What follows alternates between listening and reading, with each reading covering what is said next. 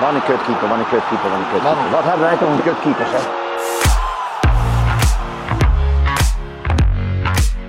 En Sinister gets the penalty. Ja! Van de Sar saved it. United again. Maar Drommel pakt hem en hij pakt op de rebound. André Onana. Onana. Showkeepers, daar zijn we weer. Jouw twee wekelijkse portie keeperskwesties. Mijn naam is Harm Zijnstra en naast me zit hier weer Arjan. Ja, ja. Goedemorgen in ons geval. Morgen. We zitten hier in de studio van FC Afkikken en we zijn ook eh, te zien via het YouTube-kanaal van Keepershandschoenen TV. Onlangs zag ik ook nog een aantal vette filmpjes voorbij komen, Arjan. Ja, leuk hè? Ja, Touzani geloof ik. Touzani en eh, de, de kansloze keeper hebben Ja. we erbij. Echt, eh, het zijn wel kijktips als je ze nog niet gezien Nou, hebt. bij deze, dus check dat zeker. Eh, we zijn er heel even tussenuit geweest. We hadden andere drukte. Eh ESPN vroeg ons voor een kwestie van keepen, een pilot op te nemen. Eh, daar kwamen we jou ook tegen, onze gast bij deze alvast. Eh, Patrick Lodewijks, hartelijk welkom. Dankjewel. Mooi dat je hier, eh, mooi dat je hier eh, aanwezig bent. Tot, afgelopen, tot en met afgelopen zomer keeperscoach, keeperstrainer bij eh Nederlands elftal. Dus ook het eh, EK meegenomen. Ehm, ja, met, ja, we zijn heel nieuwsgierig hoe je dat hebt ervaren. En wat je ja, ervaringen zijn als, als keeperstrainer. eh, nou, eerder bij Feyenoord, Everton. en natuurlijk ook in Nederlands elftal. zijn ex-collega's wij hè? Jullie zijn ex-collega's, ja. Ex-collega's, ja. En eerder ook al een keer in een podcast met eh Erskine hebben we het erover gehad. Maar ook het, het keeperscompetentieprofiel. Volgens mij is dat de Ja. officiële titel die erboven staat. Van de KNVB. Daar heb jij, heb jij samen met Erskine en eh, een andere eh, hard aan gewerkt. Eh zijn we natuurlijk ook nog wel even nieuwsgierig naar wat daar wellicht nog eh, in het vat zit. Want ja, ook wij, tenminste mijn gevoel na die podcast met Erskine was van... ja, dit is echt iets wat, wat nodig is. Of tenminste, het was er nog niet. Dus het is heel goed dat het er is. Dus daar zijn we uiteraard ook nieuwsgierig naar. Maar eh, allereerst een, eh, een korte introductie. Ik, ik heb wat clubs opgeschreven. Ja, die, daar, daar wist ik van dat je daarbij bij gespeeld hebt. Eh, maar toen ik even mijn Heb je wat research... gemist dan? Nou, toen ik me eh, nog even eh, eh, ook een tip via Wouter kreeg. Jij, bent, eh, jij zat ook gewoon in een selectie volgens mij bij PSV in 88 die de Europa Cup won. Klopt dat? Ja, ik zat op de bank, ja. Ja, achter... eh, Wist je dat niet? Nee, dat, eh, die had ik gemist. Ik, natuurlijk PSV, Groningen, Feyenoord, dat, eh, ja, die kende ik. Met name Groningen, de meeste wedstrijden volgens mij eh, Ja. gespeeld. Eh, maar inderdaad, die, eh, de, die, die prijzenkast, die wist ik niet. Ja, hij staat... eh, Maar de dat- miniatuur staat thuis in de kast. eh. dat is wel heel gaaf. Dat ja. waren jouw echt eh, beginjaren, zeg maar, dat je doorbrak richting eerste helft op PSV? Nou, dat was echt letterlijk mijn eerste jaar als tweede keeper. Ik heb twee jaar als derde keeper gefungeerd achter Van Breukelen en Pim Doesburg, hè, die Ja. helaas overleden is. Ehm, maar ehm, mijn eerste jaar op de bank, zeg maar, was, ehm, eh, werden we kampioen. We wonnen de beker eh, en eh, die Europa Cup 1. Dus ik dacht van, nou, dat is eigenlijk best leuk. eh. ja, laat dit eens even normaal zijn, zeg Ja. maar. La- laten we Normale deze... mensen die stoppen op een hoogtepunt, maar jij bent ermee begonnen. Ik ben ermee begonnen, Ja. ja. Ja, Ja. ja. ik natuurlijk ehm, eh, niet alle... Ik heb dat seizoen een aantal wedstrijden gespeeld. Eh, Je- want je zat achter Van Breukelen als, Ja. tweede keeper. Ja, dus ik heb ehm, in de aanloop eh, naar eh, de wedstrijden in de halve finale tegen Real Madrid. ehm, toen had Van Breukelen wat kleine klachten. En nou ja, wij stonden er ehm, super voor in de competitie. Dus toen heb ik ook, dat is ook wel een beetje toeval misschien, mijn debuut gemaakt eh, bij Groningen uit. Oh ja, kon je vast eh, even wennen. zeg Ja, ja. dus eh, dat was mijn eerste wedstrijd in de eredivisie, was, eh, was Groningen PSV. Mooi. Maar ik hoor jou net zeggen, die, ehm, die wedstrijd tegen Real Madrid. Ehm, ik reed op weg hier naartoe. Had ik iemand aan de telefoon. Dus ik vertelde dat we met jou een podcast op gingen nemen. En die zei dat hij een wedstrijd van jou wist te herinneren tegen Real Madrid. Dat je fantastisch was. Is Ja, dat was een jaar later. Dat was een jaar later. Oké. Ja, daar werden we eh, door eh, Real in de kwartfinale uitgeschakeld. Dus we speelden thuis 1-1. Want eh, dat was het jaar dat Van Breukelen in januari in Stuttgart bij het zaalvoetbaltoernooi, wat toen nog veel gespeeld werd in de winterstop, dat je als betaald voetbalclubs... Ja, naar, dat Hallemaster in ja. Duitsland. Ja, Ja. en daar eh, eh, scheurde Hansen zijn voorste kruisband. En eh, toen heb ik dus een, een, een half jaar gespeeld. Ehm, eh, dus zeg maar op het einde van het seizoen was Hans eh, weer fit. En, en die heeft het seizoen afgemaakt, waarin we weer kampioen werden. Maar toen heb ik dus in februari de Europese Supercup finale gespeeld. De KV Mechelen uit en thuis. Ja. En in maart eh, eh, Real Madrid uit Ja. en thuis. ja, hij wist dat in geur en kleuren te vertellen. Hij zegt, die was fantastisch, eh, die Ja, wedstrijd. Dat Ja. zijn toch wel eh, wedstrijden om, eh, om even goed te beginnen, zeg maar. Ja. Tenminste, je was al even wel onderweg natuurlijk, maar... Ja, zeker. Ja, de, en en eh, de druk was ook eh, enorm. En ehm, eh, als, je, als mensen mij vragen van eh, wat is eh, jouw beste wedstrijd ooit geweest, ja, dan kom ik wel op die wedstrijd eh, uit. En dat is niet alleen omdat ik goed speelde, maar ook gezien de omstandigheden. Ja. Dit was mijn eh, derde Europese wedstrijd eh, eh, in mijn carrière. En dan eh, zijn de eerste twee eh, zijn de finale voor de Europese Supercup. En eh, de derde wedstrijd is eh, Real Madrid thuis. En die vierde wedstrijd is Real Madrid uit Zo, voor eh, ja. hoor. ja, toen nog 120.000 mensen, want er waren allemaal staanplaatsen in Ja. Bernabeu. Ja, en als je dan zeg maar, in die omstandigheden, met zo weinig ervaring, zoveel druk, eigenlijk goed speelt. Ja, dat was eigenlijk best uniek. Ja, en dan ah, als je, eh, zeg maar, de ervaring die ik nu heb. ehm, eh, en dan kijkende naar eh, die wedstrijd, was dat ook wel een beetje een.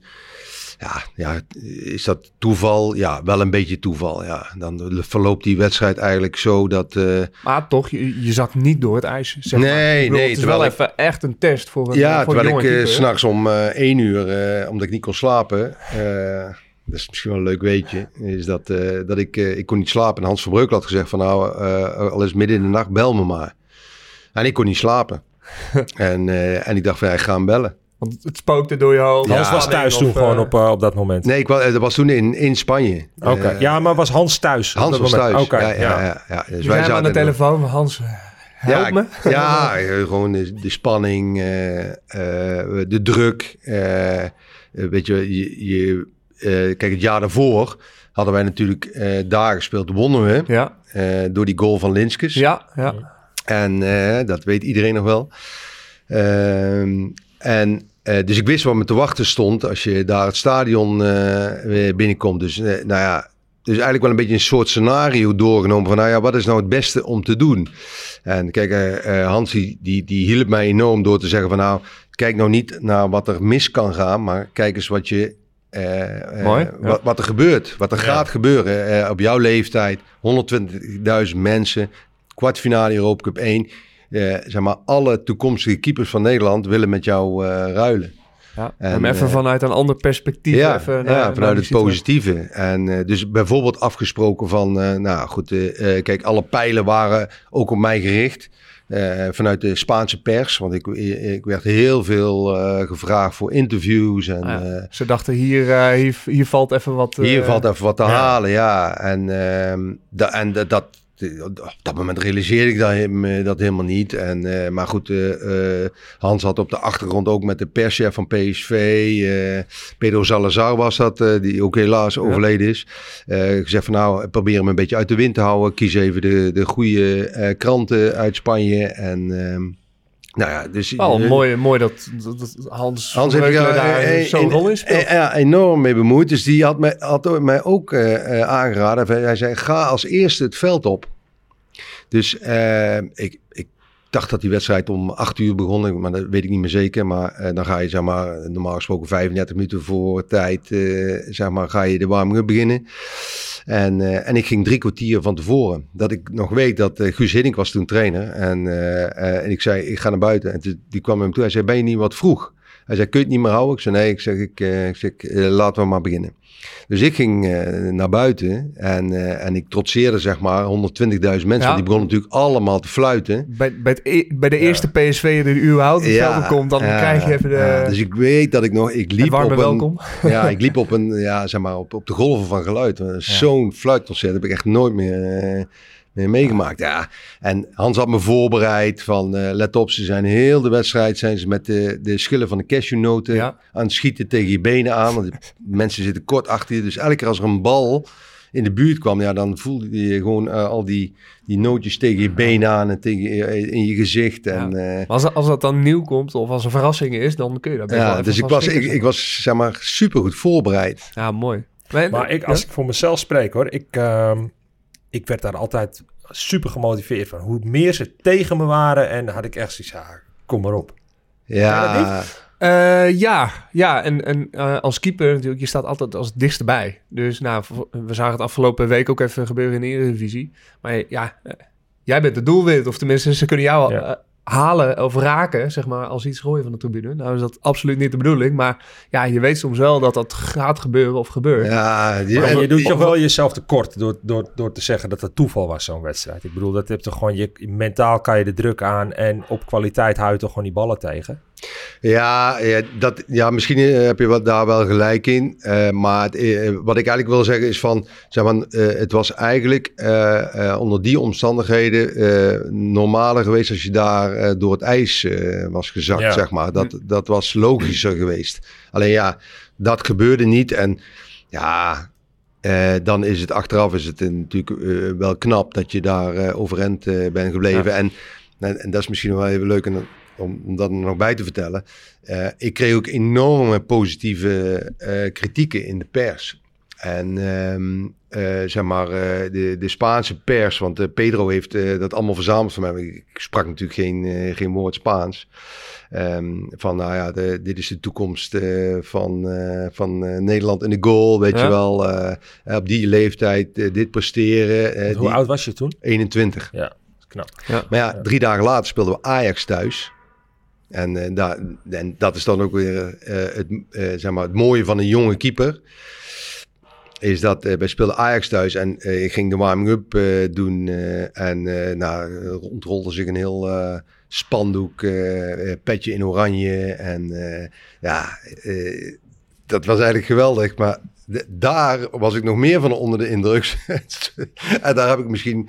eh, dat was een beetje echt, zeg maar. Of ja, maar ja, daar heb ik misschien, misschien wel mijn slechtste wedstrijd. Oh, ja, ja, ik liep twee keer onder voorzet door. Verloor met 1-4. Ja, en, eh, maar ik heb altijd gezegd, dat is wel eh, de redding geweest voor mij als keeper.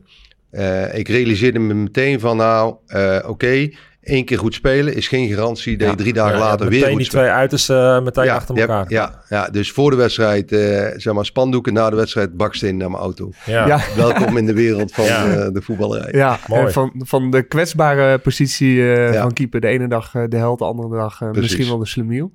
Eh, nog even terug naar het jaar daarvoor. Want toen was Van Breukelen natuurlijk eerst keeper. En nou, die was dus even de held in eh, de penalty-serie. Hoe bleef jij dat dan als, als tweede keeper, als, als jonge, jonge keeper? Nou, eh, we hadden, eh, kijk, eh, het boekje van Jan Reker, hè, dat was natuurlijk... Befaamde, bekende, ja, tegenwoordig kun je dat allemaal online en in statistieken vinden. ja, maar- toen was het boekje van Jan Reker. En, en dat, dat, dat had ik bij. Dus zeg maar, Hans had gezegd van nou, stel dat we in een, een penalty-serie eh, terechtkomen, dan eh, eh, zijn, zijn dit de namen. En nou goed, we hadden wa- wat afgesproken en had gezegd van nou, op het moment dat ik het niet weet, kijk ik naar jou. En dan Dan is, zeg maar, en jij wijst de kant, nou, zeg maar, van waar de speler zou gaan schieten. Ja. Dus niet links van hem, maar gewoon links of rechts Ja. van mij uit, dan- dat de hoek duidelijk was voor hem waar hij zou schieten. En ja, uiteindelijk, eh, als je die serie nog een keer terugkijkt, volgens mij waren de eerste vier waren echt onberispelijk, boven in de hoek, eh, strak en... eh, eh, en eh, alleen die van Veloso, die was echt overduidelijk. Dus ja, en die wist Hans ook. Ja. Ja, Ja, en dan dat was de, de, uiteindelijk was dat de, geloof ik de, de, de, de zesde. de beslissende Ja. uiteindelijk ook. Ja. Ja, ah, ik, ik ooit, nou ja, eh, mijn carrière is inmiddels ook eh, een tijdje voorbij, maar ooit had ik zelf ook zo'n boekje, weet je, want data was, stond toen nog een beetje in, eh, Ja. toen, nou ja, uiteraard de verhalen van het boekje van Jan Reken, die, eh, die kende ik ook. Dus ik ging op een gegeven moment ook gewoon, eh, ja, turf of checken en noteren. En ik weet ook nog één wedstrijd Utrecht uit. Toen speelde ik dus ook niet. Toen was ik tweede keeper bij Cambuur. Heb ik ook inderdaad staan wijzen naar Leonard Niehuis in dit geval. Veel, Ruud Boymans, ik weet nog goed. Ruud Boymans, de nemer. De laatste paar penalties eh, voor hem, rechts, laag in de hoek. Ik sta wijzen. De eerste, uiteindelijk kregen we nog een penalty tegen. En die pakte Leonard precies daar waar... eh, ja, aan de ene kant... je helpt je concurrent, maar ja, in het grotere plaatje, ja, je helpt ook Gaat het om team. het team, hè? Teambelang. Ja, Dus dat, eh, ja, dat, dat- ja, die informatie, nou, tegenwoordig eh, eh, kun je dat zo uitdraaien. Kun je alle data, statistieken, en eh, komt het zelfs in beeld eh, als je voor de tv zit te kijken waar, waar de laatste penalties eh, genomen Ja. zijn. Dus dat is eh, minder een geheim, zeg maar, als destijds. Wel, eh, wel mooi dat het- nou, die ontwikkeling ook. Dus het boekje is niet meer nodig. nee, het boek is niet meer we nodig. zien nog wel keepers met eh, bidonnetjes vol eh, gepend met eh, informatie, eh, soms een penalty-serie ingaan. Ja, je moet er altijd opletten dat je niet te veel informatie geeft, want dan kun je het allemaal niet onthouden. Nee, klopt. En zeker tijdens de penalty-serie gaan natuurlijk ook spelers een penalty nemen die eigenlijk nooit een penalty nemen. Mhm. Dus ja, dan is het ook maar de vraag of je die eh, info eh, hebt. Maar goed, terug naar jouw eh, carrière. Naar PSV ga je naar FC Groningen. Speel je volgens mij een jaar of acht, negen. Zo'n beetje alle wedstrijden volgens mij. Ja. Eh, en keer je volgens mij weer terug naar, eh, naar PSV. Achter Ronald Waterhuis, als Ja. ik het goed heb. Eh, en ga je nog naar Feyenoord. Ja. Dat is, was dat toen een verrassende move voor je? Of? Ik heb nog wel een vraag Ja? even over eh, terug naar PSV. Ben je daar vandaan naar Groningen, ben je echt als tweede keeper terug naar PSV gegaan? Of ben je gewoon als concurrent van Ronald gekomen en echt om te kijken wie dat daar, eh, daarin uit ging maken? Ja, het was tweeledig. Ehm, eh, eh, ze zochten natuurlijk een, eh, het, zeg maar, het jaar daarvoor had Ronald rood gekregen in de laatste wedstrijd in een Europese competitie. En ik weet niet of dat Champions League was, dat weet ik niet meer. Eh, maar, die, ieder geval Euro- maar die was geschorst. Ja. Ze Ja. wisten Europees, missen we de eerste paar wedstrijden. Ja, twee wedstrijden had hij eh, gekregen. En, eh, en PSV speelde, speelde de voorronde van de Champions League. Eh, eh, later heb ik via mijn zaakwaarnemer Kees Ploegsma, senior. Toen, Ja. die eh, m, eh, zei toen van nou PSV zoekt een, eh, een keeper die, ehm, ja, die eigenlijk eh, PSV door de voorronde... Ja, eh, de Champions League in helpt. ja. Ja. En eh, nou, toen heb ik gezegd, als dat het enige is, nou, dan, dan weet ik het niet. En uh, zei, nou ja, maar ze willen natuurlijk ook een, eh, eh, zeg maar, een concurrent voor Waterhuis halen. Dus ik wist wel, het was tweeledig. Dus ik ging in eerste instantie, uh, zocht ze een ervaren keeper. Nou ja, ik kwam van PSV en uh, ik was 31. Uh, ik had natuurlijk Europese ervaring bij PSV en bij Groningen opgedaan. Ja. En ja, da, dus wij speelden toen uh, de, de, eerste uh, twee wedstrijden. Uh, ik, uh, volgens mij was Maribor geloof ik uh, de ploeg. Dus dat was ook niet geen hoogstaand elftal. Maar ja, nou ja, afgelopen jaren hebben we regelmatig Nederlandse clubs natuurlijk zien struikelen over zo'n... Precies. Dus ja, uiteindelijk verloren we uit met 2-1. Ja. En thuis wonnen we met 4-1.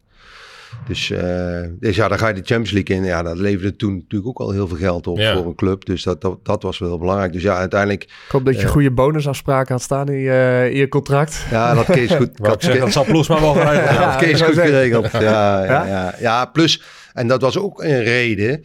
Um, dat um, uh, Groningen zat toen in zwaar weer, financieel gezien. Uh, moesten eigenlijk van een aantal mensen af die uh, wat, wat, zwaar op de begroting drukten. Daar was ik ja. er één van.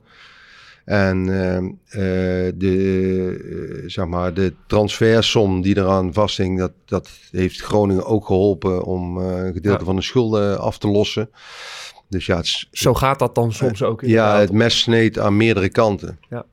Dus ja, vandaar dat ik terug ga naar PSV. En.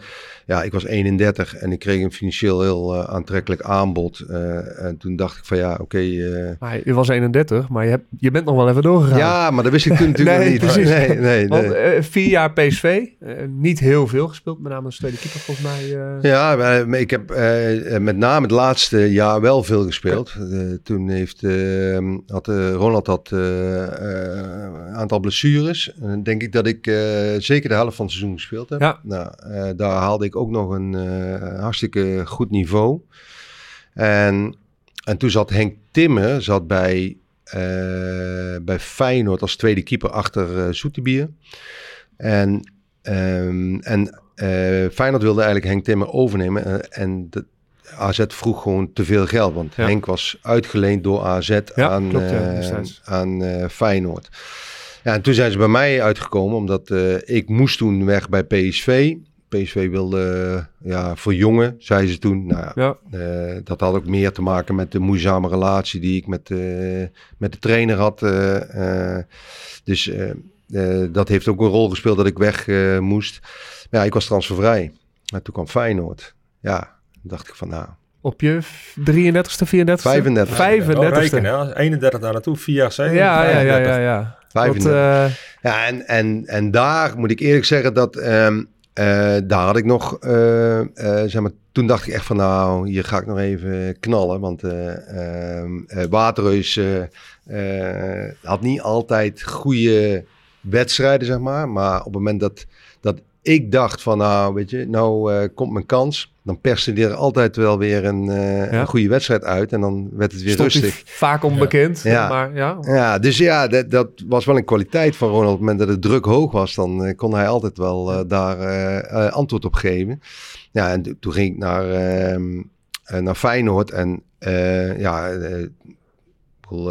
in de tijd dat Feyenoord, eh, Babos, Michael Nee, Aerts... dat was daarna allemaal. Al, Oké, Ik zat nog, eh, eh, ik kwam toen Zoeterbier. Toen is net Ja, eigenlijk de UEFA Cup eh, ja. gewonnen hadden. Ja, Ja, daarna denk ik. dat, toen Ja. kwam ik. En, eh, ja, en toen merkte ik wel, ik dacht van nou... eh, maar je hebt best veel gespeeld in het eerste jaar bij Feyenoord volgens mij. Ja, en het tweede jaar ook. Ja. En ehm, eh, ja, het eerste jaar ben ik in... ik dat mijn debuutwedstrijd voor Feyenoord was eh, Juventus eh, uit in de rust. Jij weet ze wel uit te kiezen, hè, die mooie wedstrijd. Ja, ja, ja, ja, ja, ja, dat wel, ja. En, eh, en toen heb ik ehm, eh, al die wedstrijden gespeeld en eh, goed gespeeld. En op het moment dat Soetheby fit was, kreeg ik van, van, van Bert van Marwijk, die was toen trainer, gewoon de voorkeur boven Soetheby. En ehm, dus daar heb ik heel het seizoen gespeeld. Seizoen ook afgemaakt. En het tweede seizoen, eh, ja, er was wel een, even een dingetje tussen Bert en mij. En dat hij zei, ja, ik eh, geef nu Zoeterbier weer de kans. Want die heeft het in het eh, winst eh, van, het, eh, van de UEFA Cup Ja, ja. dat Die jaar. had, die had nog ergens eh, dat opgebouwd krediet. Ja, maar. ja. maar ja, goed, dat duurde met hem drie maanden. En, eh, eh, en eh, toen speelde ik weer.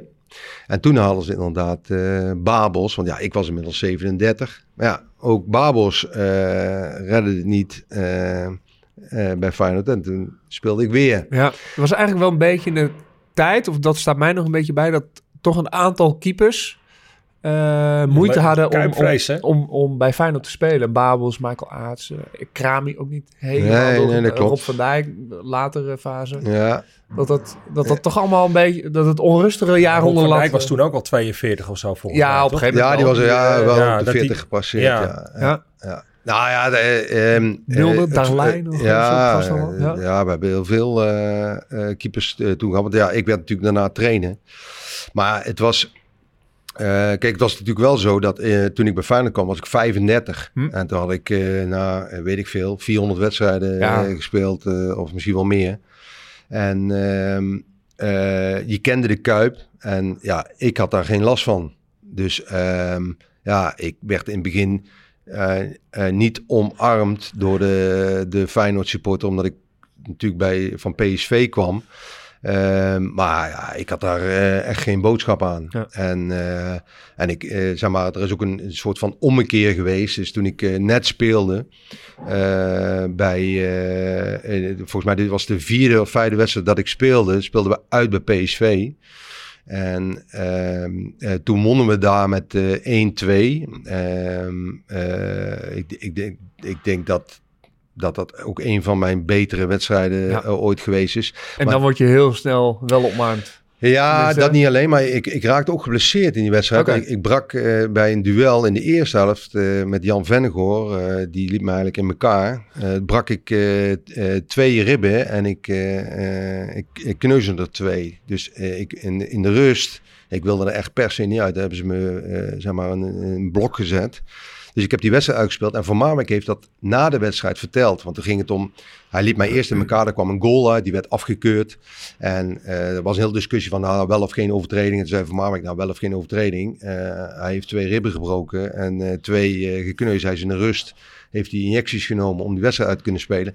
Ja, en dat viel natuurlijk, ja, zeg maar, ja, als je die de Feyenoord mentaliteit krijgt van Ja. nou, nooit Ja, opgeven. Ja, Ja, dan, ook, dan is dat wel een, ehm, eh, zeg maar een, ehm, eh, een moment waarin de Feyenoorder dacht van oké, hij geeft Ja. alles voor, Voor ons. voor ja, ons. Ja, Ja. ja. En daar, toen was eigenlijk een beetje het ijs gebroken. Ja, ja is- zulke momenten heb je dan dus. Nou, het deed heel veel pijn, denk ik, even die ribben. Maar die heb je dan even nodig, zeg maar, om. eh, Ja, en, en ik wilde, ik, wij stonden eh, bij, bij, bij PSV, eh, ik was daar net weg. En eh, drie maanden daarvoor speelde ik met al die jongens op 1A. Want Ja. Arjan Robben was toen terug en de rest die kende ik allemaal. Dus ik had ook wel iets te bewijzen. Ja, Eh, ik ja, werd ja. weggestuurd daar. Dus ja, als er iemand tot op het bot gemotiveerd was om daar eh, de goed te spelen, was ik dat wel. ja, ja, ik kan me goed voorstellen. Op een gegeven moment maak je, volgens mij tot je 40ste speel je. Ja. Dan word je keeperstrainer. Ook bij Feyenoord. Nou, je noemde net bij PSV, ja, je kende die gasten. Maar ja, je wordt opeens van speler, word je trainer. Met dezelfde, deels dezelfde keepers. Ook deels dezelfde spelersgroep. Hoe is dat dan? Is dat, is dat Ja, achteraf eh, raad ik dat iedereen af. Zeg om, maar. om, eh, om binnen dezelfde club die stap te maken? zeg ja, maar. ja, dus, eh, ja, sowieso om het meteen te doen, denk ik. Ja, precies. Ik bedoel, eh, er zat eh, drie weken vakantie tussen. en toen st- stapte ik niet rechts de spelerskleedkamer in, maar links de Ja, trainerskleedkamer. het- Ineens een andere rol, ander, ander trainingspakje aan, zeg maar. Ja, Even, ja dat, dat. Maar ja, goed. ehm, ik realiseerde me ook wel dat, ehm, eh, zeg maar, als je dan toch keeperstrainer wil worden, ja, dan is het natuurlijk hartstikke mooi om dat bij een club als Feyenoord Ja, eh, te gaan ja. doen. Eh, en als ik dan nee zeg, komt er iemand anders en dan is de, de kans dat je ooit nog die kans krijgt, is misschien Klopt. wel, zijn maar wel een paar weg. plekjes te Ja, vergeven. die precies. Ja? Dus uh, nou, ik had wel een voordeel dat ehm, uh, ik dat zeg maar wel gecommuniceerd heb. Hè. Gewoon naar uh, Henk Timmer was het toen nog. Nou, ja. ik, Maar hebben ze die dan teruggehaald, Henk? Omdat jij zei dat ze Ja, toen daarvoor niet... al. Uh, ja, oké. Okay. Ja. Ja, mijn laatste jaar uh, hadden ze Henk gehaald. Ze wilden mij er graag bij houden. En ik wist wel dat, zeg maar, dat de kans bestond dat Henk de voorkeur zou krijgen. Maar ja, ik was ook inmiddels 40. Maar ik heb toegezegd van, oké, okay, ik ga nog wel een jaar door. En uh, uh, alleen dat, dat werd een beetje een mislukt jaar. Uh, omdat ik, ik raakte uiteindelijk geblesseerd aan mijn knie. En, en dat heeft um, denk ik drie kwart van het seizoen gekost. Ah, ja. Dus, ja. uh, dus, dus dat was ook mijn grote twijfel. Het jaar daarvoor was ik nog eerste keeper. Als ik, toen was ik van plan om te stoppen. En toen en dacht ik van, nou ja, dan stop ik op, zeg maar, als eerste keeper. Ja, dus eigenlijk goed, ja. fijne afscheid, zeg maar. Ja, ja zeg maar, uh, Feyenoord wilde zo graag dat ik doorging. Toen dacht ik van, nou ja, dat is dan ook wel, ja, dat scheelt natuurlijk ook je ego. Dat is natuurlijk ook ja. zo. Dus ik dacht van, nou, uh, ga gewoon kijken waar het schip strandt. En, uh, maar ja, dan, dan ben je in één keer trainer. En ja, dan moet je ook een, een, bepaalde afstand gaan houden. En, da, en dat is best wel lastig met jongens waar je eerst ja. mee... Ja, dat kan ik me, ja. kan ja. me voorstellen opeens. Ja, sta je er niet meer tussen, maar sta je er Maar ja, net wat je zegt, ik kan me ook heel goed voorstellen dat je die kans niet voorbij laat schieten. Als zich dat voorkomt, nee. inderdaad, als een andere trainer komt met dingen. En ja. ja. als je dan vijf jaar later bijvoorbeeld denkt, ja, jeetje, had ik het nou maar wel gedaan. Dus. Ja, maar misschien ook wel weer tegelijk een hele goede leerschool. Net als, uh, als 21-jarige in Bernabeu staan. Nee, zeker. Je wordt ook weer... Uh, zeker. En, en uh, het probleem was ook natuurlijk dat je... Je kreeg bijna geen kans om je, om je voor te bereiden. Om, kijk, ik wilde per se als, zeg maar, als, als speler... Dus of het nou op de bank was of niet... Maar ik wilde eigenlijk per se op die manier afscheid nemen. Dus ik, heb, ik ben echt vol in de revalidatie gegaan op ja, mijn veertigste. Ja. En, uh, om dus niet dat je op krukken, zeg maar... Uh, nee, ja, en dat is net niet gelukt. Dus, uh, en, en dan, wij speelden play-offs, daar werden we uitgeschakeld. Dus het was, in één keer was ook het seizoen ja. voorbij. En toen dacht ik van, oh shit, ik ben over vier weken ben ik keeperstrainer. Ja, en dus ik was ook niet heel goed voorbereid. Uh, dus uh, ja, het was echt een hele gekke situatie. Maar, maar toch, uh, weet ik me nog te herinneren, uit de kwestie van keeper bij ESPN. jij zat aan tafel, Henk Timmer ook. En die zei eigenlijk, van, ja, Patrick was eigenlijk de eerste keeperstrainer die, waarvan ik dacht, hé, hey, daar leer ik wat van, daar word ik beter van, in plaats van dat het bezigheid, bezigheidstherapie was, zeg maar. Mm -hmm. Dus zat het, zat het dan in je? Of? Nou, kijk, je, als je zo lang zeg maar op een uh, hoog niveau speelt, uh, heb je ook heel veel keeperstrainers waar je mee ja. werkt. Dan weet je ook van nou, kijk, ik had wel een idee dat ik zelf wel een bepaalde manier van werken ja, had ik wel in mijn hoofd. Alleen hoe je dat dan uiteindelijk op, in de praktijk ja. brengt, dat, dat is weer de volgende vraag. Maar eh, zeg maar, ik, ik was anti eh bezigheidstherapie. Eh, dat vond ik zelf ook verschrikkelijk. Ja, nou ja, volgens mij, eh, we kennen ze allemaal. We hebben ze vast allemaal wel eens meegemaakt. Ja. Dat het inderdaad balletje links, balletje rechts... en meer elke dag een warming-up is richting Ja, de groepstraining, zeg maar. Ja. Dan dat dat echt gewoon beter ja is. dus ik, ik, was ook de, de, de eh, zeg maar, eh, volgens mij eh, begon ik toen al met eh, beelden terug te kijken. Eh, en eh, ja, dat was, dat was eigenlijk nog niet eens met een analysesysteem, weet je wel. Dat, ja, ik praat over 2007. Ja, dat was gewoon eh, video's terugkijken. En, Ja, Precies. En, eh, maar ehm, ik zat veel meer in van nou, eh, hoe, hoe kun je, eh, zeg maar, ehm, eh, want dat is later in mijn eh, eigen eh, visie van werken naar voren gekomen van hoe kan ik een keeper beter maken en hoe kan ik een keeper beter maken dat hij het idee heeft dat hij het zelf doet. ja, In plaats van dat je het autonomie geven, ja, eigenaarschap. ja, dus dat je zeg maar hem, zeg maar, en dan had ik met Henk Timmer eh, toen ik ook een keeper van 36. Ja, eh, die ga je niet meer eh, veranderen. Hm. Maar dan ga je wel kijken van nou, waar kun je de, eh, zeg maar, de proce- procentjes winst nog boeken. Nou, en dan ga je echt kijken naar van nou, waar ligt je grens? Dus als je dan in de positie in de goal gaat kijken. van nou ja, als ik hier ga staan, wat is dan mijn bereik? Maar dan ga ik een klein beetje naar links, zeg maar, Ja. een beetje uit je comfortzone trekken. Meer inzichtelijk nog stapjes Ja. maken dan nou, technisch of fysiek. ja, of, eh, moet ik dat- Henk nog gaan leren om Nee. een bal te vangen. Eh, echt niet. Nee, maar, Maar- toch, je had ook andere keepers die er... eh, Ja, ja zeker. eh, En, en daar, daar had je Sherif en Krami. Erwin Mulder kwam er toen bij. Ja. En, eh, dus ik had een oude keeper. Ik had een, eh, een, een relatief jonge keeper. Want ik geloof dat Sherif eh 24 was of zo. Uit een hele andere cultuur. Egypte. Egypte. Ja? Ja. En Erwin Mulder, een keeper die uit de jeugdopleiding kwam, 18 jaar. En eh, ja, dat, eh, eh, en, en toen, dat, dat heeft me wel, ehm, eh, zeg, maar, zeg maar, de liefde voor het vak gegeven. Want Hm. dat vond ik in, eigenlijk hartstikke boeiend. Dat je met drie keepers werkt die eigenlijk allemaal verschillend zijn. En die, en die eigenlijk op zijn eigen niveau moet ontwikkelen. Ja. Dus Ja, dit- met, met zulke gasten... Nou, eh, je zei Henk Timmer was 36. Ja, zoiets Dus, denk ik. eh, Ja. Je weet, nou ja, je hebt het tot je 40ste volgehouden. Henk, Henk uiteindelijk ook, ook volgens mij nog eh, met een terugkomst bij Heerenveen.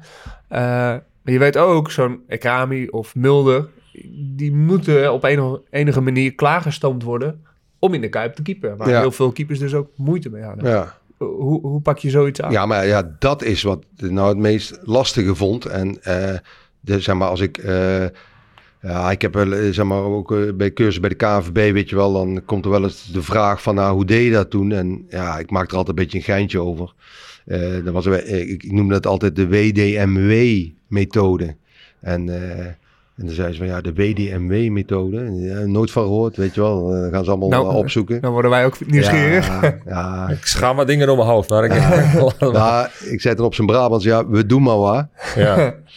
En, eh, eh, maar vanuit een, je ervaring als keeper, eh, maar totaal geen structuur. En, eh, eh, maar wel, ik, ik, ik zag wel van eh, wat Ja. er moest gebeuren. Maar ja, hoe, doe, hoe je dat Hoe dan zet je dat even Ja, in Precies. een jaar, in een half ja, jaar weg? ja, daar had ik dus echt geen idee van. Nee, dat is ook even nou, die voorbereidingsperiode die er bijna Ja. was. Je, ja. Ja. voorbereidingen en wedstrijden. En heb je eh, midweekse wedstrijden dan. En die speelt wel en die Ja. andere twee spelen niet. En je wil ze eh, fysiek eh, zeg maar vooruitgang laten boeken. Je wil de kind die speelt fit houden.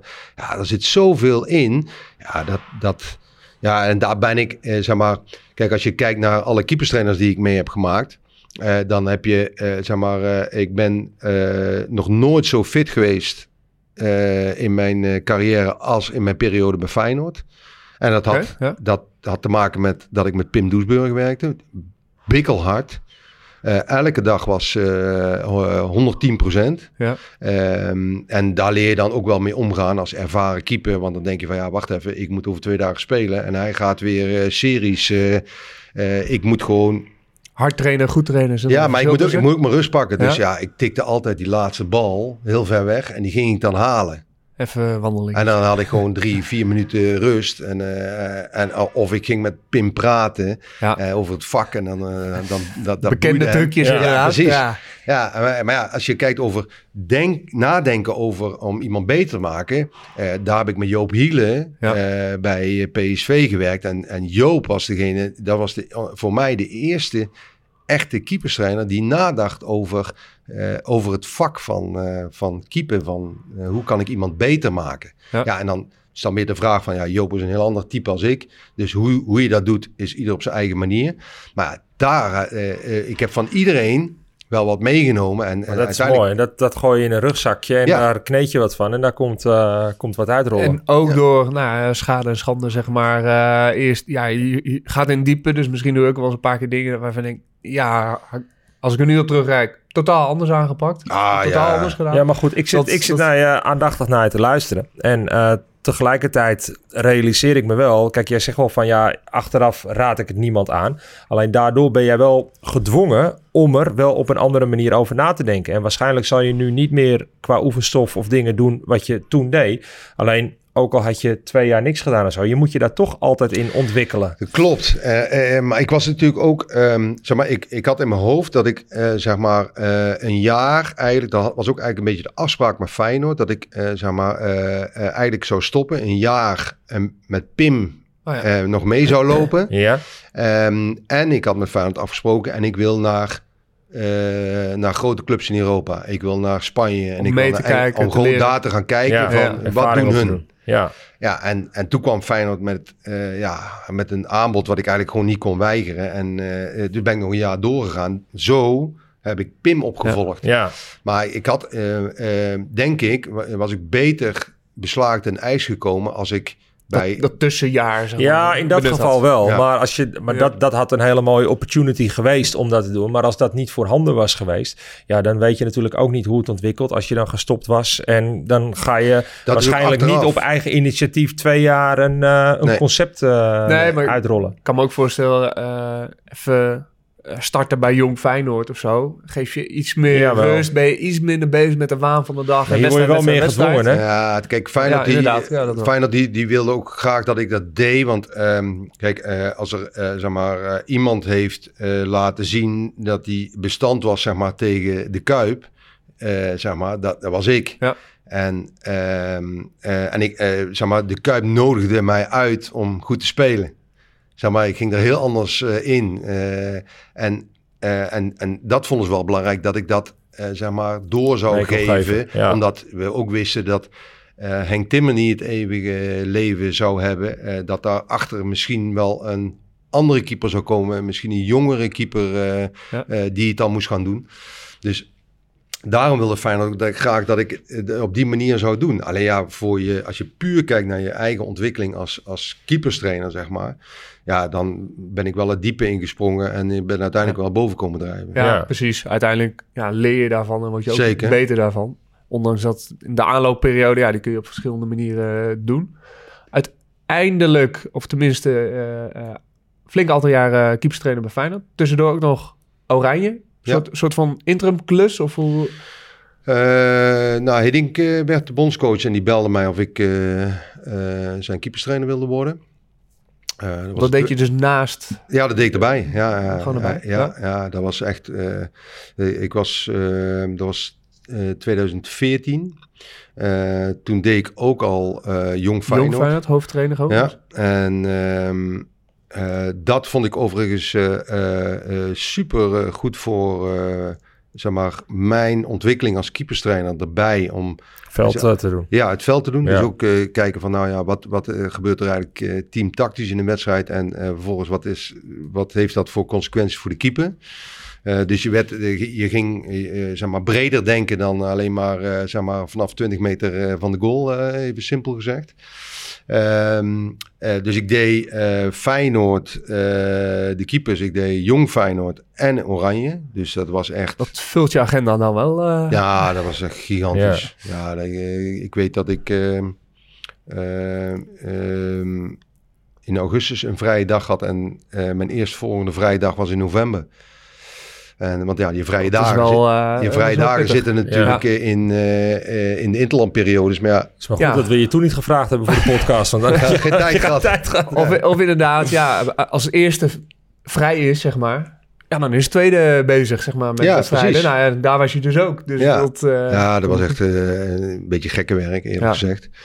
Maar Eh. 2014 heb je WK ook... eh, Nee, nee, nee. nee. Nee? Daarna. Daarna. Hmm, Ja, Oké. ja, eerste periode was september. Dus na het, eh, Ja. na het WK. Destijds, of tenminste denk in de jaren daarna, eh, hoorde ik je ook bij een kwestie van keeper zeggen. Bijlo een beetje op de radar gekomen. Ehm, kun je eens vertellen, zeg maar, hoe de samenstelling was van selectie van Feyenoord en nou, wat, je de, ja, wat jouw ervaring was met, om Bijlo erbij te trekken, zeg maar? Ehm, nou, het was eh, zo dat, ehm, eh, dat er zit eigenlijk een beetje een eh, verhaal aan vast. Is dat, ehm, eh, zeg maar, in mijn beginperiode, zeg maar, was ik met name met mezelf bezig hè, om me te ontwikkelen als, als keeperscoach. Nou ja, dan heb je op een gegeven moment een aantal jaren ervaring. Ik had toen ook een, een, een, voor mezelf een visie zeg maar, uitgestippeld. Want eh, zeg maar, de, die- handig als je weet wat je wil. En Precies, je- dus ik, ik ben ooit eens, eh, eh, zeg maar, eh, eh, Leon Vlemmings, die was toen eh assistent-trainer bij, eh eh, bij Gert-Jan Verbeek en later bij eh, Mario Been. En, en Leon was heel erg in, zeg maar, structuur en eh, manier van werken. En die heeft op een gegeven moment tegen mij gezegd, je moet er zo goed over na gaan denken van, nou ja, wat ben je nou precies aan het doen? En, en toen weet ik nog dat ik eh, eh, thuis me op een gegeven moment twee dagen een soort van opgesloten heb op kantoor. En ik had flip, van die flapovers meegenomen. En toen heb ik alles wat ik doe, heb ik op die flapovers geschreven. Maar vervolgens ja, ben ik die gewoon gaan verhangen, weet je wel. Dat hoort daarbij, dat hoort daarbij. En vervolgens kreeg ik een, een, een soort van, van visie...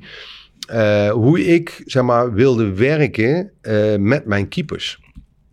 En, eh, en dat heeft, eh, zeg maar, eh, dat zorgde eigenlijk ervoor dat ik dacht van, nou oké, zo wil ik werken. Dus wat hoort daarbij? Toen heb, is er de hoofd van de keepers bij, ehm, eh, toen de tijd bij, bij Feyenoord is weggegaan, is Galit Ben Laassen. Ja, Eh, momenteel eh, bij die, Feyenoord. Ja, die mij opgevolgd heeft toen ik naar Everton ben gegaan. En ik, ik, ik kon heel goed samen met, eh met Galit. Dus eh, zeg maar, wij eh, spraken heel veel over de, de samenwerking met, met, de, met de jeugdopleiding werd eigenlijk stukken beter. En ja, toen kreeg, kreeg ik echt wel zeg maar Justin op de, op de radar. En nou ja, we werkten zeg maar in de manier van, van eh, zeg maar, eh, trainen met het eerste. eh, zaten we soms wel eens in dat we vier keepers nodig hadden. Ik Ja. vond vier keepers altijd wel veel. Ja, mee te afhankelijk van werken. wat je gaat Ik doen vind tijdens de drie training. ideaal. Ja, nou, ik ook. Ja, En, maar soms heb je een vierde nodig. kleine partijen of een bepaalde Precies. andere Alleen eh, toen, zeg maar, in mijn visie, zeg maar, van ontwikkeling van eh, keepers. eh, toen haalden wij, eh, zeg maar, eh, zei ik dan, oké, dan moet de meest talentvolle uit de jeugdopleiding moet gewoon als vierde keeper mee gaan doen. Ja. Alleen toen kwam Justin op 15-jarige leeftijd meedoen. Alleen die kwam dan meedoen in de 4 tegen 4. Ja, dat, is, dat is niet reëel, want Nee. het gaat veel sneller. Ze schieten veel harder. eh, er wordt veel meer van je gevraagd. Tempo ligt veel hoger. Ik dacht van ja, als je ergens een keeper... Zeker 4 tegen 4. Ja. Ja. dan moet je echt wel Ja, dat is- blootgelegd Als jij dan bij Feyenoord mee moet als jongetje van 15, 16 in een 4 tegen 4, dat is killing. Nou dan ben je ja, alleen het maar kan bal uit de net het halen. Precies. kan soms best wel lekker zijn om, om Ja, maar dat gaat te te snel. joh. Maar Ja, gaat te snel. Ah, Ballen de- komen te hard. Is de Precies. snelheid niet aan. Dus het afbreukrisico, dat, dat zag ik meteen, dat is veel te groot. Ja. Dus wil je die jongen ontwikkelen, dan moet je hem gewoon helemaal erbij halen. Eh, en dan eh, kan hij ook eens een keer meedoen in de 8 tegen 8. Ja. En dan eh, is het tempo lager. En dan krijg je veel meer de kans om ja, te kijken naar, nou goed, wat gaat hij doen richting de 11 tegen 11 in een wedstrijdsituatie. Ja. toen zag ik wel de potentie bij hem. Hij deed heel veel dingen, zeg maar, ja, fout is niet het goede woord, maar... hij- Betere keuzes kunnen maken. ja, hij kan heel veel dingen kon hij natuurlijk beter doen. Ehm, maar eh, je zag wel de potentie. En, en toen dacht hij, je moet hem gewoon eh, eh, permanent erbij halen. En dan speelt hij in het weekend maar zijn wedstrijden in de jeugd. Wat best lastig is, omdat daar in Ja. één keer de uitdaging al een stuk minder Ja. groot is. Maar ja, de, zeg maar, zo dacht ik van, nou ja, wil je die jongen een eerlijke kans geven, dan moet je hem altijd, zeg maar, ehm, eh, bij het team halen. Want, oh, en ook daar had ik met Galit over van... Kijk, hoe ik bij het eerste werk is niet de manier. Eh, maar als jij eh, een doorstroming wil krijgen vanuit de jeugdopleiding naar het eerste... dan moet er wel een soort van rode draad zijn... dat jongens, als ze uit de jeugdopleiding een keer mee gaan doen met het eerste... dus niet denken van, ah, ik ben in een totaal andere wereld eh, Ja. terechtgekomen. Dus er moet wel een, een, een, een link zijn met hoe je daar werkt... en hoe bij het eerste gewerkt wordt... zodat de overstap al kleiner Ja. wordt... zodat ze alleen maar eigenlijk hoeven te wennen aan eh, het tempo en de manier hoe je het inspeelt. En nou, eh, aan, aan kleine dingen in plaats van het totale plaatje is heel anders. Ja, dat jij opeens gaat zeggen, je moet eh, veel verder naar voren. Terwijl Galit in de jeugd zei, je moet veel verder naar achter. Ja, dan, Bijvoorbeeld. Dan, dan raakt zo'n keeper ook in verwarring. Zeg maar. Ja, ja, Ik wil even het sprongetje maken naar Nederlands elftal. ja. Daar, ehm, eh, na Feyenoord ga je met Ronald Koeman mee naar Everton. Eh, daar anderhalf jaar eh, gezeten. Uiteindelijk volgt ontslag. Zo gaat het dan ook in de Premier League. Eh Koeman de laan uit. Dat betekent vaak, nou, wie die heeft meegenomen, mogen ook vertrekken. Ehm, maar volgens mij heel kort daarna wordt Ronald Koeman bondscoach. Op het moment dat hij belde, wist je al waarvoor hij belde? Mm, ja, Die, eh, die zag je wel aankomen in die zin. ja, nou goed. eh, ja, ik, ik heb goed contact met Ronald. Dus eh, wij spreken elkaar ook buiten, zeg maar, alleen het voetbal nog wel eens nu een stuk minder. Maar ja, dat is logisch met Hij heeft zijn... het redelijk druk, geloof ik. Ja, maar ehm, kijk, hij heeft toen bij Everton, hij, hij voelde zich enorm verantwoordelijk voor ons allemaal. En, eh, en tegen mij zei hij van, nou goed, als er nog een moment komt eh, dat ik je eventueel mee kan nemen, dan, eh, dan ga ik dat zeker doen. Ja. Ja, en toen hoorde je ook de geruchten dat hij in beeld was bij Oranje. En toen, ja, toen belde hij mij en toen, toen zei ik, ga je Oranje doen? En toen zei hij ja. En hij zegt, en ik wil vragen of jij mee gaat.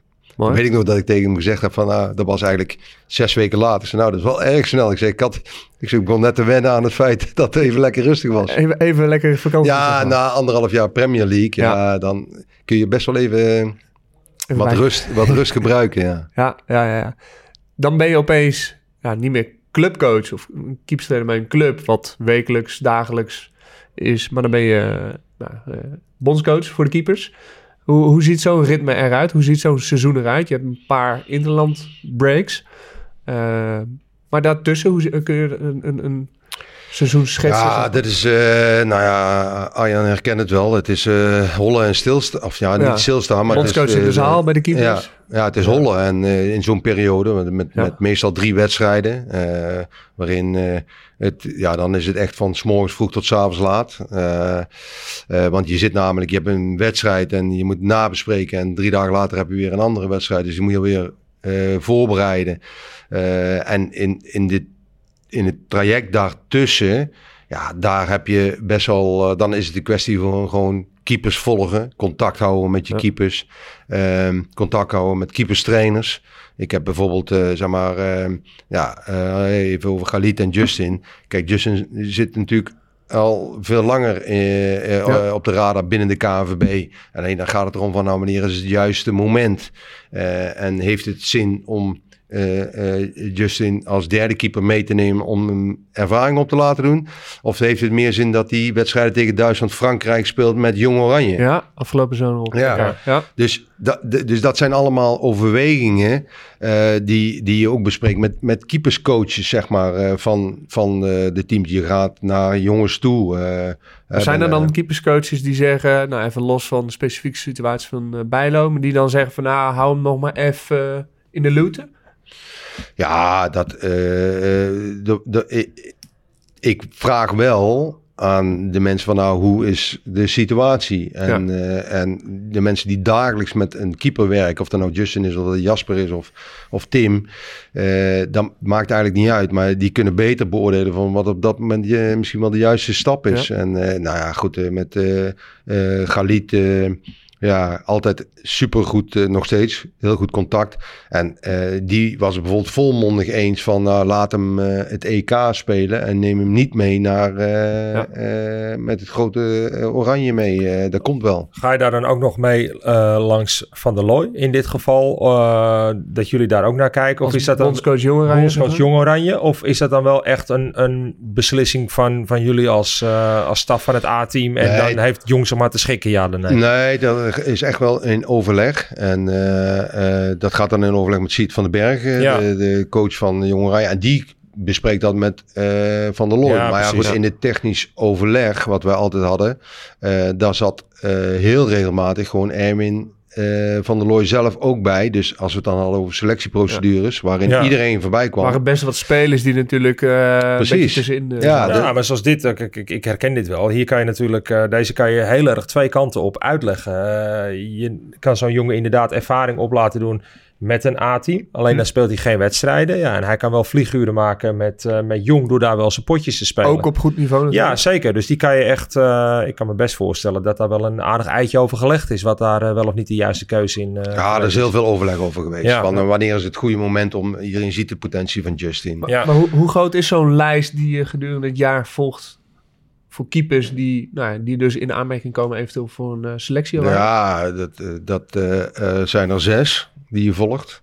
Ja. En dan, ik bedoel, ik heb, heb het over Sillissen, Krul, Bizot, ehm eh, Bijlo, Bijlo, Drommel.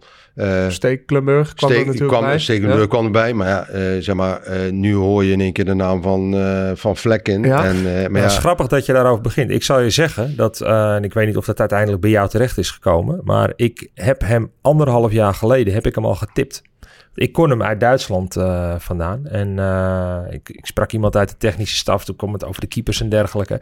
Toen heb ik die naam van Vlekken al eh, laten vallen. Maar ik weet niet of hij bij jullie toen ook al. eh, die, stond bij ons ook al, die stond ook al op de radar. Ja. Ja. Alleen, ja, Vo- vorig jaar hele jaar gebaseerd geweest. precies. Ja. hè, Ja. elleboog gebroken. eh, dus Nou, het bij- was ook al van het jaar daarvoor, Ja. voor het corona. Ja. ook dat jaar was hij ook heel veel gebaseerd Ja. Ja. Dus ja dus die, die, die heeft eh, veel blessures gehad. Ook, tijden niet gespeeld eh, toen hij terugkwam. Maar ja, die stond... de- Ik bedoel, het wordt nu een beetje gedaan alsof dat eh, in één keer de... eh, zeg Ontdekking van de Nee, eeuw is. ja, maar dat, is, helemaal niet zo. Wel Die- voor het grote publiek natuurlijk. Ja, logisch. Maar eh, kijk, het zou ook eh, eh, de mensen sieren eh, als ze zeggen van nou ja, die eh, eh, bij, eh, wordt al jaren goed werk geleverd bij de KNVB en die, die Al wat langer op de, op de radar. ja, die zit al wat langer. eh, En zo in- moeilijk is het niet. Iedereen met een Ne- Nederlands paspoort. Ja, eh, ik, heb, ik heb zelfs nog een eh, jongen gevolgd, ik ben even zijn naam kwijt. eh, die had een Grieks en een Nederlands paspoort. ah, ja. En eh, die heeft uiteindelijk... eh, Kostas Lamproe. Nee. Nee, nee, nee. maar eh, die jongen die bij volgens mij AEK Athe- Athene speelt nu. En die heeft uiteindelijk gekozen voor Griekenland. Maar ja, dat was ook eh, Barkas? eh, 1,95 geloof ik. Ja. En hartstikke talentvolle jongen. Alleen ja, daar neem je dan contact mee op. En die, ja, uiteindelijk kiest hij voor. Alleen ja, moet, moet je dan eh, dat allemaal naar, naar buiten brengen van dat we daar ook mee bezig zijn? Dat Nee. heeft helemaal geen zin. Nee, creëer je alleen maar Ik onrust. zit even Ja. snel te googlen. Eh Vasilios Barkas. Dat- Zit nu ja. bij eh, Celtic. Zit nu bij Celtic. Ja, ja. Nederlands-Griekse keeper. Maar Ja. inderdaad, ja, eh, ja, iedereen met een Nederlands paspoort. Dat is niet zo heel moeilijk om dat te. En dan ga je eens even eh, rangschikken. Ja, zo heeft er ook in, eh zeg maar, een jongen uit, eh, in- met een Nederlands en een Nieuw-Zeelands paspoort eh, eh, was ook eh, eh, zeg maar in beeld. Ja, ik, ik doe nog niet alsof eh, wij al die jaren hebben zitten slapen. bij, eh, bij Valencia ook een eh, jongen van, ik denk dat die Jasper 17, zitten. Ah, nee, 17, 18 volgens mij Ja. die jongen. Die heeft ook een Nederlands en een Spaans paspoort. ja. Ja, nou ja, eh, inderdaad. Volgens mij maak je daar je lijstjes op. En zeker ook natuurlijk als ze wat jonger zijn. Ja, zijn ze eigenlijk natuurlijk ook in beeld bij de jongere leeftijdscategorieën nationale teams. Dus dat eh, Maar is ja, in die zin niet... Dat is altijd wel lastig, want dan vraag je dus een jongen die echt in het buitenland speelt om zeg maar in periodes van jeugd interlands, om dan naar Nederland te komen. Daar zijn clubs meestal niet zo eh, Ja. blij mee. Ja. dus dat wordt dan vaak dan ook wel een beetje ja, afgeremd door de clubs. Terwijl in Nederland zeggen we dan allemaal, ja, ga maar naar de nationale teams, is Ja. goed voor je ontwikkeling. Ja. Dus nou, hollen en stilstaan noemde je zeg maar Ja. eh, werkzaamheden. Dus interlandsperiodes vol gas. Ehm, eh, tussendoor wedstrijden kijken, contact onderhouden. Ook nou, met keepers en keeperstrainers. Richting een groot toernooi. Hoe ziet zo'n voorbereiding eruit? Bijvoorbeeld het EK. Eh, ja, even organisatorisch, maar ook technisch gezien. Ja, waar moet je allemaal aan denken, zeg maar? Als, eh, of is het heel simpel, drie beste keepers, we gaan ervoor... We analyseren Nou, wel, eh, zeg maar, in een toernooi ehm, eh, ga je dan wel voor de drie best beschikbare keepers, omdat het eigenlijk gewoon een eindtoernooi is, is gewoon een momentopname. Hm. En eh, kijk, je zou, als je kijkt in het kader van ontwikkelen, zou je inderdaad, is er altijd wat voor te zeggen om te zeggen van nou, we nemen bijvoorbeeld een jongen als Bijlo of als Drommel mee. Ja. Als, en, en dat is ook besproken als eh, misschien wel vierde keeper. Dat was eigenlijk mijn eh, ideaal plaatje om vier keepers mee te nemen. Zeker toen nog eh, de... Je mocht maar- extra spelers meenemen. Ja. ja, je mocht naar, naar een selectie van 26. Ehm, en, maar ja, eh, dan is de keuze van de bondscoach, eh, die zegt dan van nee, ik, ik wil er maar drie meenemen, want ik, ik wil een extra speler meenemen. Nou, dus, uiteindelijk beslist de bondscoach. Eh, maar ja, dat was wel ideaal geweest, want dat- dan had je wel een echt een, een zeg maar, een Ja. op, als een soort van Ja. opleiding, een jongen mee kunnen nemen naar een Maar groot is het dan Koeman die zegt van, nou, ik kies voor een extra speler in plaats van een extra keeper? Eh, dat was eh, Frank nee, de Boer. Frank de eh, Boer, sorry, ja, tuurlijk Ja. Frank de Boer inmiddels Ja. als, eh, als bondscoach. Ja, ja, Uiteindelijk eh, komt natuurlijk ook de, de kwestie Sillissen. Eh, hij wordt eh, eh, een positieve test, hij heeft corona eh, vlak voor het EK. Hoe, hoe ziet zo'n besluitvormingsproces er dan uit? Ja, dat is heel lastig. Eh, want eh, ja, goed, een beetje een ingewikkeld verhaal, maar eh, je moest je, eh, je selectie op 1 juni bekendmaken. Ja. Moest je aan de, aan de UEFA doorgeven. Ehm er was een regel dat je tot en met de finale nog een keeper kon Ja, wisselen. Mits geblesseerd of ziek, Precies. positief Ja. getest. Ja. Dus, eh, en dat betekent dus als je eh, eh, zeg maar Jasper erbij zou halen ehm, en er zou iets eh, eh, eh, gebeuren met een keeper en Jasper zou nog heel lang positief testen, want we wisten op het moment dat we hem positief testen, wisten we niet in welke fase we zaten. Dus het Ja. zou, hè, dat is ook een overleg geweest met de dokter, het zou natuurlijk best nog even wat langer kunnen gaan duren als dat wij misschien wel denken. Hm. Misschien zat hij in de laatste fase van eh, zijn besmetting, maar misschien Ja. ook wel helemaal vooraan. Misschien een dag, binnen een dag hersteld, misschien het nog twee ja, en Maar mocht je dan maar één keeper wisselen, zeg maar? natuurlijk- eh, ja, maar die, moet, die, maar die andere moest aantoonbaar Ja, moet door een. UEFA-arts moet dat Ja, maar worden. stel dat je Sillissen wel had meegenomen, dus wel had opgegeven op die lijst. Eh, eh, nou, eh, Tim Krul, Stekelenburg eh, raken geblesseerd. Eh, die mag je wisselen. Mocht je dan Sillissen ook nog wisselen als hij uiteindelijk niet fit genoeg... Ja, wel als die, eh, zeg maar, eh, stel dat die, eh, kijk, hij moest natuurlijk, hij, hij kan natuurlijk bij de, de selectie pas aansluiten op het moment dat hij, zeg maar, aantoonbaar, besmettingsvrij is, zeg maar. Ja. ja. aantoonbaar besmettingsvrij is. Dus je kunt hem niet eerder daarbij halen. Dus, en als dat al lang gaat duren, en volgens mij was het uiteindelijk 8 of 9 juni, dat hij voor de eerste keer eh, negatief, testen. negatief testen. Ja. Dus dan zat je al negen dagen. En terwijl, eh, zeg maar, eh, je had daarvoor de, de, de oefenwedstrijden gespeeld. eh, eh, en je zat dus vier dagen voor Oekraïne. Dus dan zou je een keeper erbij halen die ja, dan ruim twee weken niks gedaan had. Ja.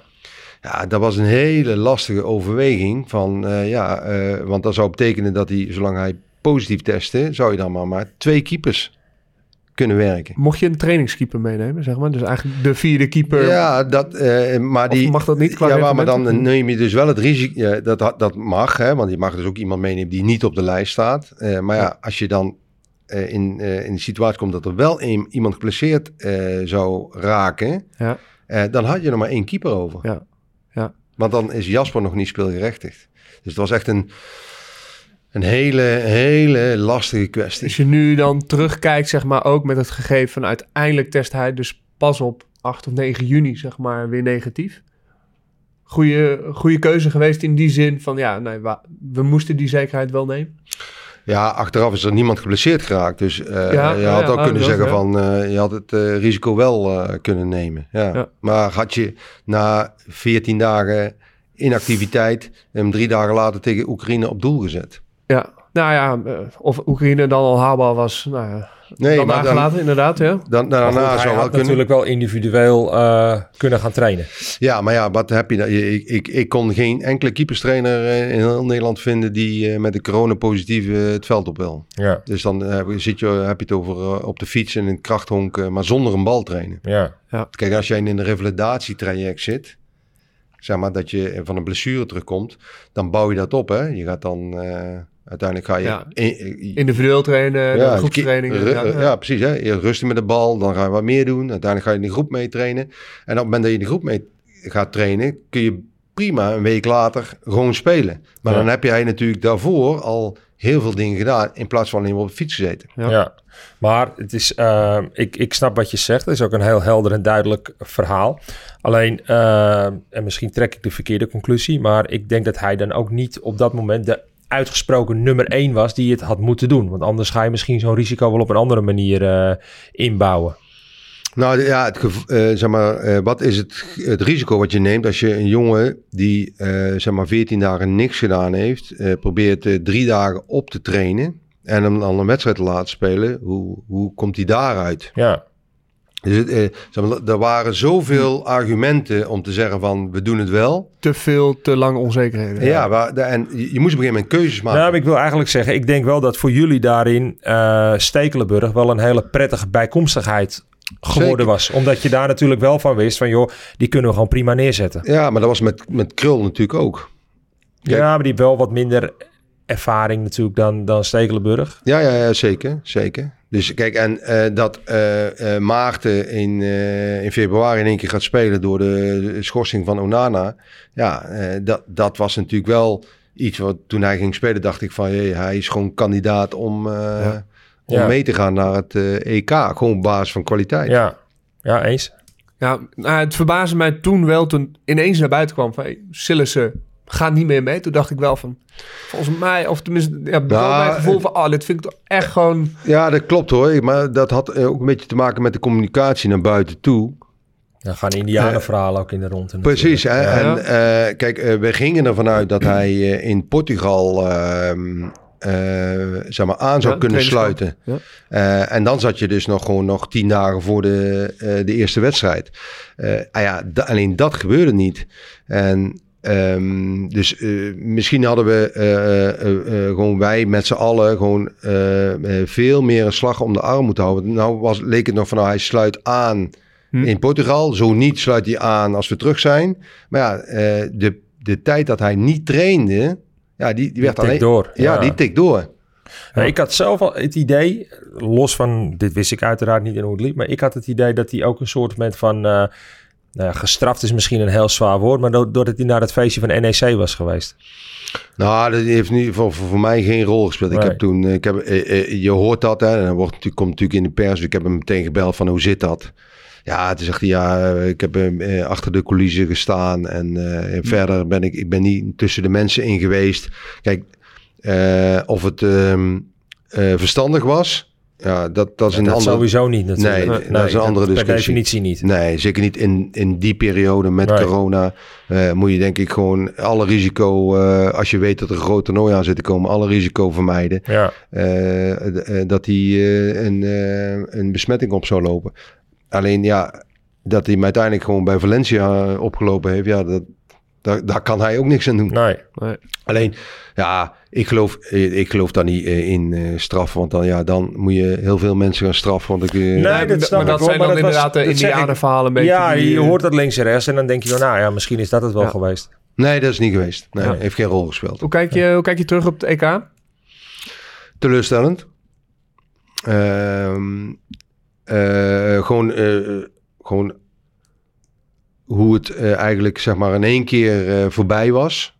Eh, natuurlijk waren er een aantal oorzaken aan te wijzen waardoor we niet hebben kunnen brengen ehm, eh, wat iedereen van ons verwachtte. Eh enige wat ik maar goed, dat is echt mijn eigen conclusie. Is dat iedereen, heel Nederland, eh, ook wel een beetje onderschat heeft wat het fenomeen corona eh, zeg maar, eh, heeft eh, veroorzaakt. Eh, we hebben uiteindelijk vijf en een halve week in totale afzondering gezeten. Ja.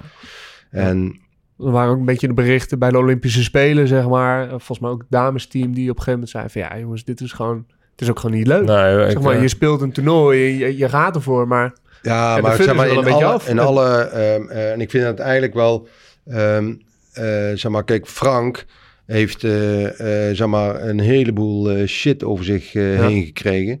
Ehm, eh, maar, zeg maar, dit is nooit, ehm, eh, zeg maar, aan, aan de orde gekomen naar de hand van, nou ja, wat, wat is de invloed geweest van, Ja. zeg maar, met... eh, Onder eh, deze omstandigheden... ja, met, eh, met werkt 60 het. man eh, in totale afzondering te zitten. Ik bedoel, geen contact met je familie. Eh, ja, via de FaceTime. Maar ja, na de drie groepswedstrijden in, eh, in de arena zag je wel dat het voor jongens steeds moeilijker werd om, eh, zeg maar, na de derde wedstrijd je familie te zien achter de boarding, Ja. maar dan niet naartoe kunnen. Eh, terwijl eh, eh, de, in eerdere toernooien was er altijd een dag na de wedstrijd ruimte dat de familie kwam. En dan konden ze smiddags even lekker de stad in lunchen met elkaar. De kinderen even met de Precies. kinderen spelen. En dan speelde je vier dagen later weer een wedstrijd. En dan was er weer een moment. En nu, ja, kijk. eh, Gewoon wekenlang niet. mijn kinderen zijn eh, Ja. volwassenen, dat kun je het prima uitleggen. Maar als jij eh, een kindje hebt van een jaar of vijf, zes en papa staat daar. En Ja. ja, leg het maar uit dat, eh, Ja. dat je niet naar papa ja, kunt. dat is lastig. en, Ja. en dat voelt papa ook. Ja, Die ziet dat ook. Ja, ja, ja. ja. Maar Maar dat voorstellen Zeker, kan ik me ook heel erg voorstellen. Alleen ja, de, de wedervraag die dan meestal eh, gelijk gesteld wordt, ja, maar dat hebben andere landen ook gehad. Is dat ook zo? Of denk je dat er achteraf eh, dat er wat soepeler of simpeler met die, eh, met die dingen omgegaan had moeten Ja, worden? kijk, en eh, andere teams hebben, eh, eh, best wel veel teams hebben nog gewoon tijdens het toernooi coronabesmettingen opgelopen. Ja, dat en, klopt. eh, en wij hadden nul.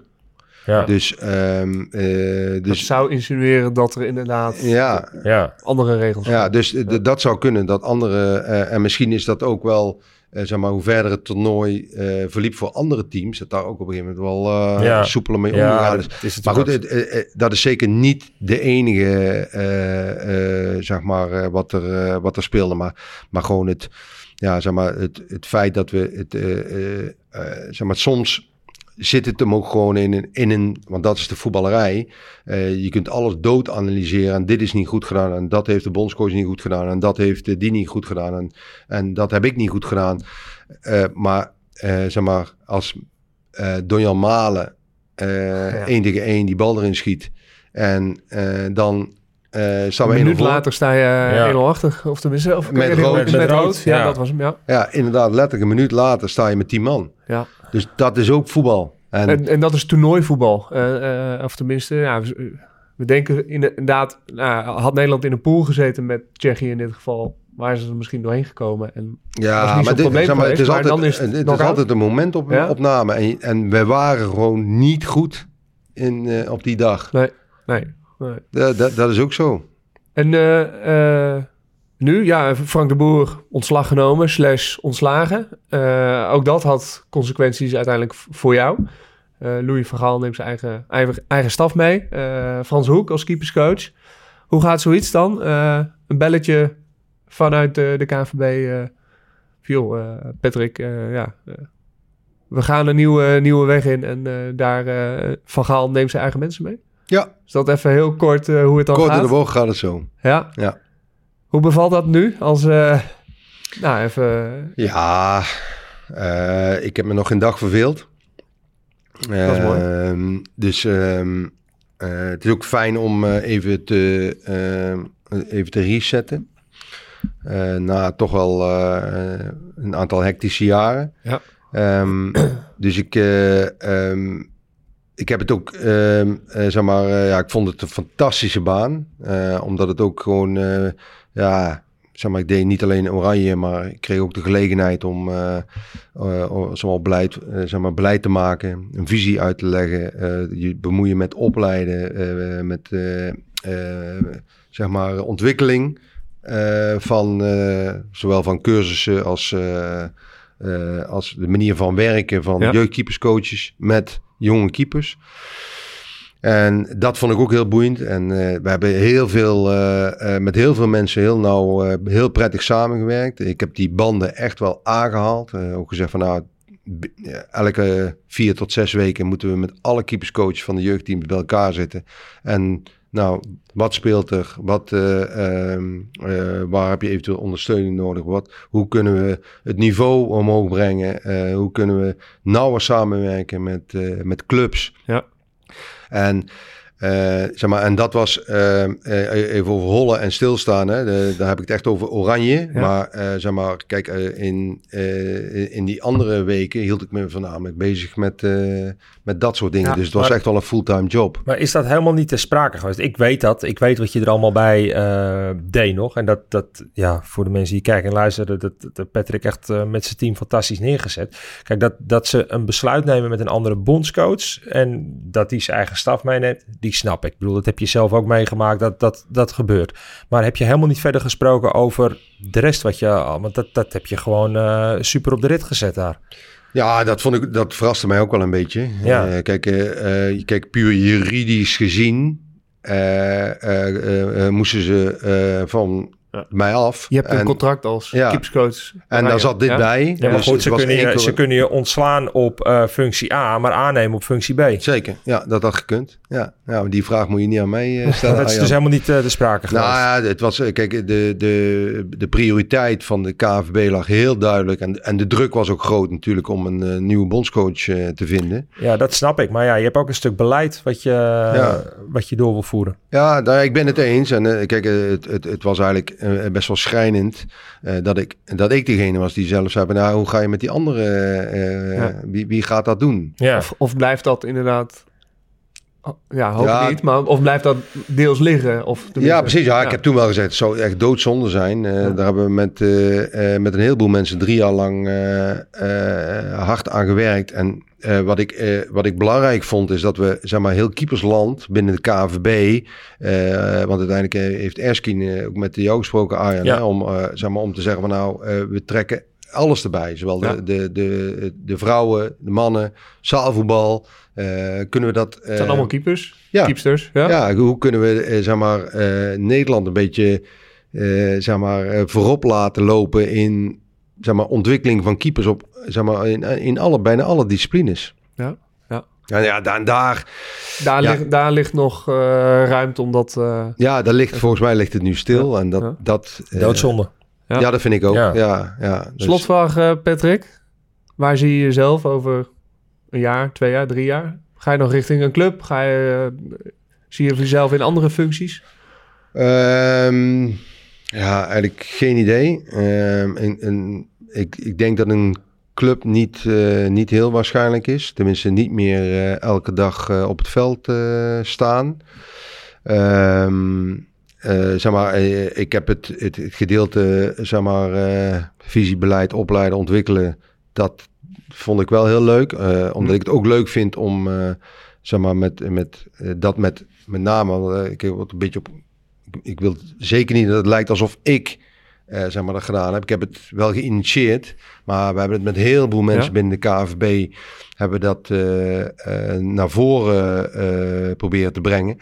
Eh, dat, dat zou ik al leuk vinden om eh, zoiets te blijven doen, omdat ik denk dat er, ehm, eh, zeg maar, ik vind namelijk dat de KVB als bond zijnde clubs moeten helpen. We hebben heel veel tijd en energie gestoken in dat, waar we in het begin wel heel kort over gehad, over dat competentie- en handelingsoverzicht. Daar heeft Eskin het hier ook over gehad. Ja. Ehm, eh, daar hebben wij heel veel tijd en energie in gestoken met heel veel mensen. En, eh, en dat is geen eh, waterdicht eh, plan. Dat is niet in beton gegoten. Maar nou moet je ermee gaan werken en kijken van nou, waar moet je bijsturen? En waar klopt het wel en waar klopt het niet? En, en wat hebben clubs eraan? Want dit is heel veel werk. Nou, volgens mij als je het aan clubs geeft en vervolgens het op een individu legt, ja, dan kun je volgens mij prachtig zeg maar, dingen in kaart brengen van nou, waar gaat het goed en waar moet het beter en waar moet het echt nog veel beter? Of ehm, eh, dit wel, dat niet. Ehm, en eh, het is gewoon een soort van checklist. Hè? Ik bedoel, Ja. Het is niet eh, van nou, als je dit doet, dan komt Ja, het allemaal goed. Het is, het is beleid, uitrollen, visie. eh, Ja, en dan kunnen we clubs mee helpen. En dan Ja. zou het mooi zijn als clubs komen met, met feedback van... ja, dit, eh, ja, leuk bedacht, maar werkt voor Maar gemeente. dit stukje kan ik even niks mee. Wa- Wat Ja. kan. Ja. Ehm, en, eh, maar als je daarmee feedback krijgt, eh, dan eh, eh, eh, wordt het alleen maar een, een, een beter verhaal. En Ja. Kun je daar, eh, zeg maar, in, gewoon voor de toekomst gewoon eh, heel veel vruchten van, eh Ja, van plukken. gaaf. Zou mooi zijn. Ja, en ik, kijk, en, en, ik heb ook met, bijvoorbeeld met jeugdkeeperscoach heb ik ook een portfolio ontwikkeld. Omdat ik gezegd heb van, ah, ik heb namelijk teruggekeken binnen de KNVB van waar zijn al die keepers gebleven die jarenlang in jeugdteams rondgelopen hebben. Nou, er zijn er een aantal. Noem even Jeroen Zoet, die is van on- vanaf onder 14 tot en met Oranje erbij gebleven. Maar daar zijn dan het, het grootste gedeelte, Ja, die je zijn... valt ergens af onderweg. Ja, Ja. en hoe komt dat? En heeft dat te maken met omdat ze op dat moment eh, een groeispurt krijgen, dat het coördinatief allemaal minder wordt, dat ze daardoor iedereen zegt ja hij is eh, Ingehaald worden, inderdaad. ingehaald Ja. worden. Maar eh, eh, ik pleit namelijk eh, voor eh, zeg maar gewoon eh, je moet niet naar drie keepers kijken in onder eh 14, 15, 16, 17, 18, 19, maar je moet kijken naar 7, 8 keepers, want die maken allemaal een zeg maar, golfbeweging door. Door de, de groei, puberteit, persoonlijke omstandigheden. En kun je jongens, ik denk dat de jongens afgevallen zijn in de loop der jaren, die misschien veel verder hadden kunnen komen met de juiste begeleiding, Ja. met geduld. Hè, de, eh, dus geef, eh, ze zijn een jaar even niet zo goed. Ja, so be it. Ja. Ze zijn ook Laat nog niet... maar... ja. Ja, laat ze niet. Je, je- Ja. je, je, ja, uiteindelijk zeg maar, zakken ze een beetje eh, weg. Maar er is niemand die ze bij de kraag pakt en ze eruit Nee, trekt. Ja. Als maar dan kijken ze naar de volgende. Ja, hij is nou beter. Maar kijk, ik bedoel, hè, je ziet ook heel veel. ik ben ervan overtuigd dat de jongens afgevallen zijn. Op basis van dat, ze, dat er gekozen is voor zeg maar, op korte termijn presteren. Dat een, Ja. een jeugdteam naar een EK ging en dat ze daar een keeper in, eh, ingezet hebben die op dat moment de beste was. Eh, en, eh, maar waarvan, waarvan iedereen toen wist van nou, die wordt niet groter dan eh 1,70. Dus die gaat de top nooit halen. Terwijl er een jongen achter zit die zeg maar, wel die fysieke voorwaarden heeft. Misschien net ietsje minder was. Eh, en die hebben ze laten, eh, eh, laten zitten. Die is eraf gegaan. Dus ik Dus even iets meer op lange termijn. veel breder nadenken. kijken. Ja, Veel breder kijken dan alleen de volgende wedstrijd winnen. als ik je zo hoor, hoor, hoor praten en met het enthousiasme en de passie wat ik een beetje denk te ontdekken, dan eh, lijkt deze rol op, jou, op jouw lijf geschreven. En dat zou mooi zijn als je inderdaad uh, beleid, fysiek kan gaan uitrollen en kan be- bewaken en verbeteren en doorontwikkelen in de Ja, het, komende keep- jaren. het keepen is toch zo'n mooi eh, vak. En, en het, het was... we- het Ja, was daar eh, zijn we het wel over eens, ja. Ja, maar het was vro- vro- vroeger toch eh, eigenlijk, ja, eh, weet je wel, ja, we hebben ook nog een keeper.